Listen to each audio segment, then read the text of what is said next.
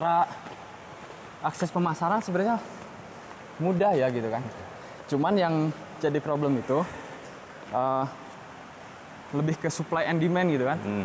Itu yang menyebabkan kita kadang harga Turun. turun, kadang naik. Seolah-olah petani itu sengsara kan ya. Seolah-olah petani itu sengsara.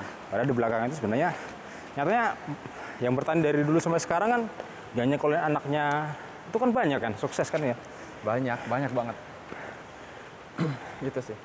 Kalau angan-angan yang lain yang saya ingin terapkan, pengen pengen bikin kelompok tani kayak gitu yang di dalamnya ya eh, petani-petani muda gitu kan yang menerapkan eh, pertanian berbasis kawasan kayak itu. Maksudnya berbasis kawasan itu bukan bukan saklek eh, komoditasnya Sama kan gitu. sama gitu kan cuman berbasis kawasan itu ya kita bergiliran kita nggak mungkin berbasis kawasan kita nanam brokoli terus gitu Iya. kan karena kawasannya kawasan brokoli bukan gitu. Jadi karena kan tanah itu harus ada rotasi. Betul. eh, komo- apa komoditas gitu kan. Iya. kalau enggak ya hamanya akan menetap di sana kayak gitu. Jadi kita saring eh, sharing ilmu misalnya apa sharing informasi gitu kan. Kamu tanam ini ya gitu kan. Terus aku nanam ini mungkin musim depannya gantian kayak gitu. Iya. kayak lebih ke kayak gitu sih. Mungkin itu akan lebih menstabilkan harga gitu kan karena kebutuhan pasar tercukupi gitu kan kemudian mungkin biaya hama juga kan eh biaya hama biaya perawatan atau pengendalian hama juga eh, nggak terlalu besar kan ketika kita terus menerus eh, menanam tanaman yang sama kan sejenis kayak gitu Iya. kayak gitu sih Kembali lagi ke rencana ya. Ah. Perencanaan. lebih ke harapan Ya, paling perencanaan. ya, ya. perencanaan Oke, thank you. Mas. Ian, sampai jumpa lagi kesempatannya. Sukses terus. Oh, amin Kita jumpa lagi mau ke mana kita habis ini. sama satu lagi sih Apa ya? kalau kalau ada gitu kan Hmm. ini bukan eh, hanya sebatas apa ya ide-ide kosong Ide-ide sih kosong. nah ide-ide kosong gitu kalau kita kan sekarang pertanian itu kan basisnya kan eh, presisi ya Iya, precision Kita- precision farming. precision farming gitu kan, presisi gitu kan. Sebenarnya ada kayak angan-angan kecil gitu yang mungkin nggak bisa diterapkan oh, di banyak tempat gitu kan. Cuman ini iseng-iseng saya, saya kayak pengen kalau bisa gitu kan.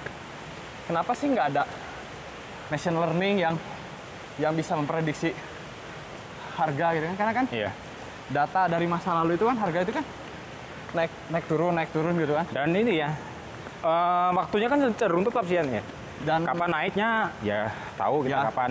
ya mungkin kayak kayak gitu gitu kenapa sih nggak ada machine learning yang bisa mungkin ketika cuaca hujan komoditas ini akan harganya mahal gitu. Ketika gini komoditas ini mungkin ya nggak bisa diterapin secara luas juga. Ntar kita istirahat. tapi kayak ya kayak pengen aja gitu. Mungkin untuk skala kelompok tani atau skala kawasan karena yang jadi kendala ya kembali ke harga sih kalau petani. Sebenarnya petani itu mau untuk nanam-nanam itu asal harganya ya Pasti. pasti dan menguntungkan. Karena kan perlu menghidupi keluarganya kayak gitu. Sekarang kan covid itu ada juga tuh kan machine learning yang genos itu kan. Hanya dengan hembusan. Langsung ketahuan. bisa ketahuan Ada dengan adanya. apa data-data yang ada di sana kan gitu. Nah itu yang pertanian yang belum ada. Kayak gitu. Data 10 tahun mungkin. Komoditas ini turun. Di lain dari sisi supply and demand kan pasti ada faktor lain. Musim hujan misalnya.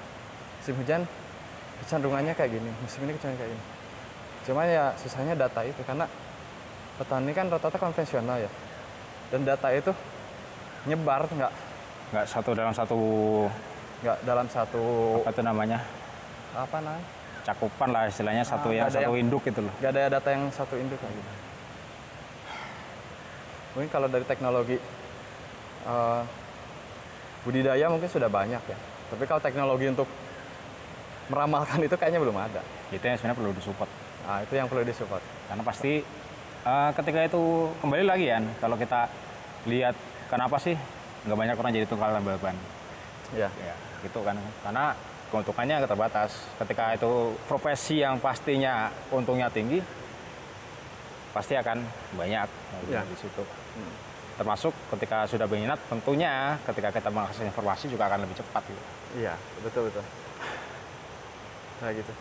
Cuma kan kapasitas saya, kapasitas kita lah, kita kuliah kan bukan di di jurusan itu ya mungkin support dari pemerintah lah mungkin kan pembinaan atau pemerintah daerah kita bisa menjembatani kerjasama dengan instansi-instansi yang apa yang mampu lah untuk membuat hal-hal situ kan kayak ya. berkompetensi untuk Punya- hal-hal kayak gitu gitu Punya wewenang di data Ya, tentunya. di gitu. data.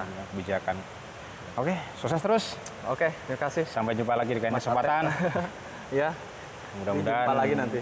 kita berjumpa lagi di dalam kondisi yang tentunya di tempat lain ya dalam upaya kita mengeksplorasi pertanian.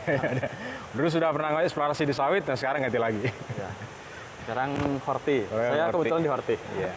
Oke, thank you. Iya, iya, Ya, sama-sama. Sampai jumpa lagi. Nah, demikian obrolan seputar agro inovasi kali ini. Sampai jumpa di kesempatan yang lain. Inovasi teknologi untuk kesejahteraan petani. Salam inovasi. Salam inovasi.